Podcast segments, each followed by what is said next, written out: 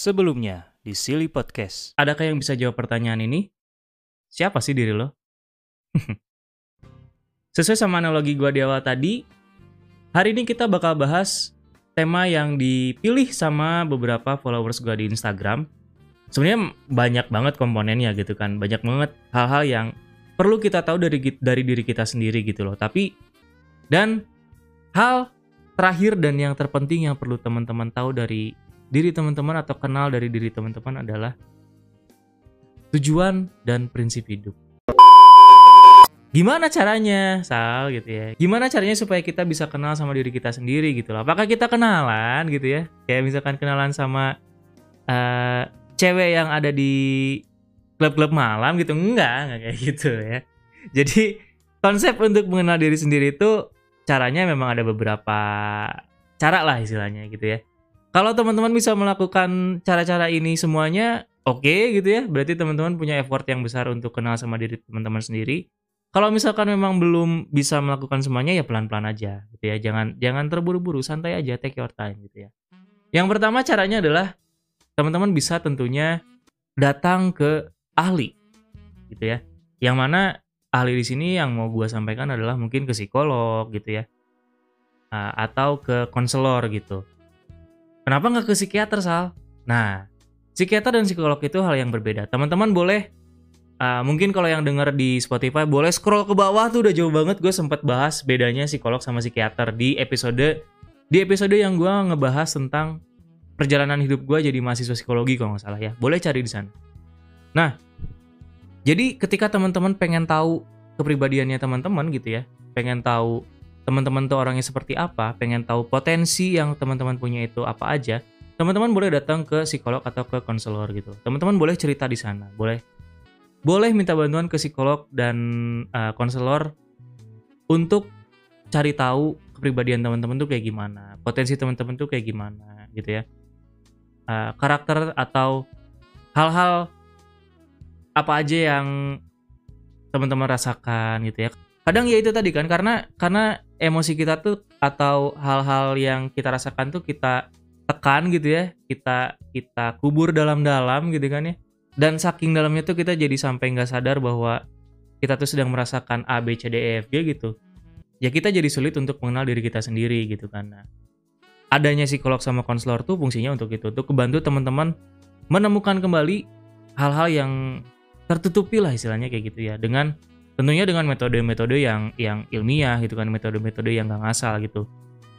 Hindari untuk misalkan tes kepribadian lewat uh, online ya yang suka ada di website-website gitu ya atau di blog-blog gitu. Itu bukan tes kepribadian. Itu adalah kuis yang temanya kepribadian atau trivial personality quiz ya jangan sampai teman-teman percaya dengan hasil tes yang kayak gitu. Hasil tes bukan hasil tes itu itu hasil kuis ya. Jangan sampai teman-teman percaya dengan hasil dari kuis-kuis kayak gitu karena kevalidannya, validitasnya atau uh, keakuratannya itu nggak bisa terjamin gitu ya. Sedangkan kalau kita datang ke ahli kan uh, alat ukur atau tes yang dipakai kan udah teruji gitu ya. Memang memang diujinya juga secara ilmiah. Jadi datanglah ke orang dan gunakanlah alat yang tepat gitu ya. Itu yang pertama. Yang kedua, cara kita untuk mengenal diri sendiri adalah kita bisa minta masukan atau feedback dari orang-orang di sekitar kita gitu loh. Ya. Teman-teman boleh misalkan cerita ke orang-orang sekitar gitu. Aku lagi pengen tahu sih di eh aku lagi pengen tahu aku orangnya kayak gimana. Boleh dong kamu cerita aku tuh orangnya kayak gimana sih menurut sudut pandang kamu gitu loh. Boleh kayak gitu. Atau misalkan kalau teman-teman khawatir gitu ya mendengar kalimat-kalimat yang sedikit menyayat hati gitu. Boleh misalkan minta orang-orang sekitar teman-teman buat tulis gitu atau cerita uh, pendapat mereka tentang diri kalian gitu kan. Atau juga uh, apa? Teman-teman bisa tahu diri teman-teman tuh dari uh, feedback atasan atau rekan kerja gitu kan ya kayak misalkan dari hasil kerja, dari hasil interaksi teman-teman di tempat kerja dan lain sebagainya kayak gitu itu itu bakal sangat ngebantu banget untuk proses pengenalan diri teman-teman gitu loh karena kalau balik lagi ke Johari Window tadi gitu kan terkadang kita nggak sadar kalau kita tuh punya kemampuan ABCD gitu loh justru orang lain yang melihat itu Atau misalkan kita nggak sadar kalau kita tuh punya respon emosi atau punya perilaku yang ABCD gitu loh. Malah orang lain yang lihat gitu kan. Contoh simpelnya adalah gua baru sadar atau baru tahu gitu ya. Kalau menurut orang-orang di sekitar gua tuh gua cukup apa ya? Gua gua mau bilang gua cukup orang yang cukup enak untuk diajak diajak ngobrol tuh kayak yang kesannya gimana banget gitu. Tapi ya menurut lingkungan gue, gue kayak gitu gitu. Jadi beberapa teman-teman gue tuh ngerasa kalau gue tuh enak diajak ngobrol, gue pendengar yang baik gitu kan ya.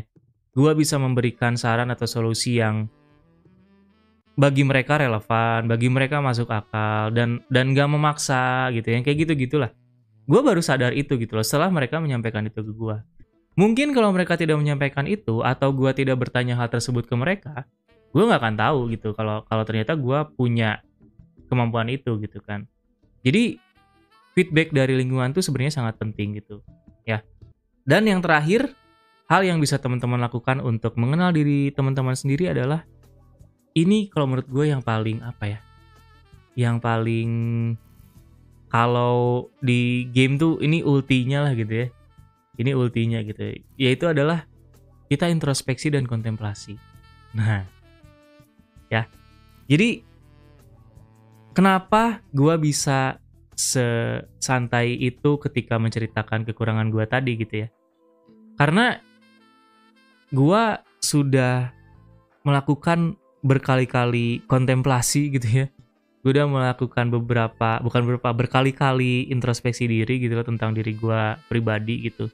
Dari setiap fase perjalanan hidup yang gue lewati gitu kan. Dan di di di kegiatan kegiatan. Dan di apa ya di momen-momen gua introspeksi dan kontemplasi itu tuh memang memang gua berdialog aja dengan diri gua sendiri gitu loh gua ngobrol aja kayak gua ngobrol sama kalian sekarang gitu. Gua ngobrol kayak gua lagi ngobrol sama teman-teman di tongkrongan gua aja gitu kan. Contoh-contoh pertanyaan yang mungkin sering gua tanyakan adalah apakah benar gua melakukan hal tersebut gitu? Apakah hey diri gua gitu loh. Apakah ini yang bener-bener lu inginkan gitu ketika gua melakukan sesuatu gitu loh? Apakah ini hal yang tepat yang yang yang gua lakukan atau yang diri gua inginkan gitu kan itu yang sering gua pertanyakan terhadap diri gua sendiri gitu loh dan dan hal lain yang yang bisa teman-teman tanyakan ke diri teman-teman sendiri adalah ini yang mungkin agak apa ya terkadang kita pribadi pun agak denial gitu, agak agak ada penolakan gitu loh. Kita selalu berharap kita diperhatikan oleh oleh orang lain kan, tapi kita jarang memperhatikan diri kita sendiri. Jadi nggak ada salahnya ketika teman-teman lagi introspeksi gitu ya, atau ketika teman-teman lagi kontemplasi, tanya ke diri teman-teman sendiri. Hey, lu lagi baik-baik aja gak sih? lu lagi lagi dalam keadaan baik-baik aja gak sih? Atau lu justru lagi dalam keadaan gak baik-baik aja gitu? Kalau nggak ada kenapa? Cerita gitu kan. Biarkan diri lu sendiri berdialog dengan diri lu sendiri gitu. Mungkin akan terdengar sangat apa ya? agak agak halu gitu ya agak apa agak agak agak nggak masuk akal tapi tapi kegiatan itu kalau kalau teman-teman bisa lakuin itu menyenangkan loh nggak tahu kenapa itu menyenangkan banget gitu loh. Berdialog dengan diri lu sendiri tuh kayak ya kita punya kayak kita lagi ngobrol sama teman-teman aja tapi kita lagi berhadapan sama diri kita sendiri. Jadi coba deh, coba untuk introspeksi gitu ya. Coba untuk uh, review lagi momen-momen yang udah pernah kita jalani dalam kehidupan kita gitu ya. Pilihan-pilihan yang udah pernah kita pilih dan kita jalankan sekarang gitu ya. Ya apa pun hal dalam hidup kalian yang yang udah pernah kalian jalani dan sedang kalian jalani, coba deh. Coba kalian dialogin gitu, dialogin. Coba coba coba kalian uh, diskusikan dengan diri kalian sendiri gitu loh. Apakah benar ini yang kalian pengen? Apakah benar ini yang kalian mau gitu loh. Ya. Jadi itu beberapa cara untuk mengenal diri teman-teman sendiri gitu ya. Tentunya ketika kita mengenal diri kita sendiri bakal bakal ada beberapa hambatan gitu kan bakal ada beberapa hal-hal yang membuat kita tuh jadi kesulitan buat mengenal diri kita sendiri gitu ya uh, contohnya misalkan ada intervensi dari lingkungan sekitar kayak misalkan dari keluarga dari teman-teman dari uh, ya lingkungan sekitar kita lah gitu ya.